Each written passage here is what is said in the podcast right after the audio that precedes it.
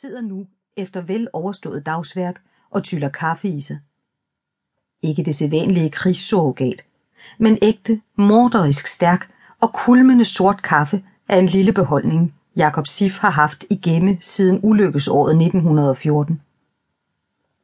Til denne sjældne drik nydes nybagt sukkerbrød, som Trine med øjnene, da Jakob Sifs husholderske har tryllet frem til lejligheden. Den gule kage er så overdådigt mættet med æggeblommers kraft og sødme, at den visker, når man rører ved den. På bordet stråler tre lys, ikke spruttende sågat lys, men rene og skære sterinkærter fra den velsignede tid før krigen. Mor og barn slummer roligt, og ud fra den åbenstående kammerdør strømmer duften af sæbevand, rent linned og tjærejute. Ak, have stjerneblinkende fred og lykkelig hvile. Et barn er født. Det er så igen sket, det der skal ske til evig tid. Sibyllerne nyder stunden, men ikke i ro og ophøjet tavshed, sådan som det havde sømmet sig, disse skæbnens hjælpersker. Nej, snakken går ustandslig. Trines øjne lyner om kap med fru Lillegårds lorgnetter, og den tunghøre Urania Mereta spiler mund og øjne op og gør den lange hals længere for bedre at høre. Hengivent indsuger hun ordenes fede frø og lader dem spire i sit jomfrusind og skyde varme blomster, dragende og gyslige. For det er jo verdens overdådige have af synd og skam, de tre halvgamle kvinder er på vandring i. Det er livets og kundskabens træ, hvis lodne og mørke løv kilder dem på halsen og ned ad kroppen og vækker deres gro og undrende afsky og trang til udfrielse i retfærdig harme og inderlig bøn. Det er ikke Antonias lille forhistorie, der dvæles ved. Hendes mislykkede forlovelse med den retskaffende lærer Napoleon og hendes oprørende forhold til den vidtløftige og tyvagtige Laban Graver Peter. Nej, dette emne er i aften skubbet til side og har kun anden rangs interesse. For det, der nu optager sindene her som andre steder, det er Eggertsen-skandalen.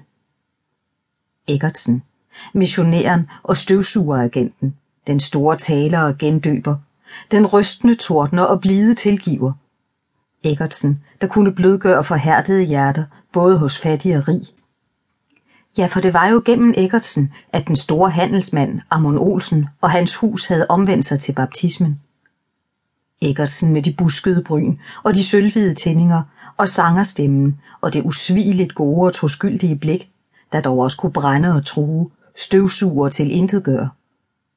Eggertsen, sjælen i den store indsamling til det nye missionshus, Vingården.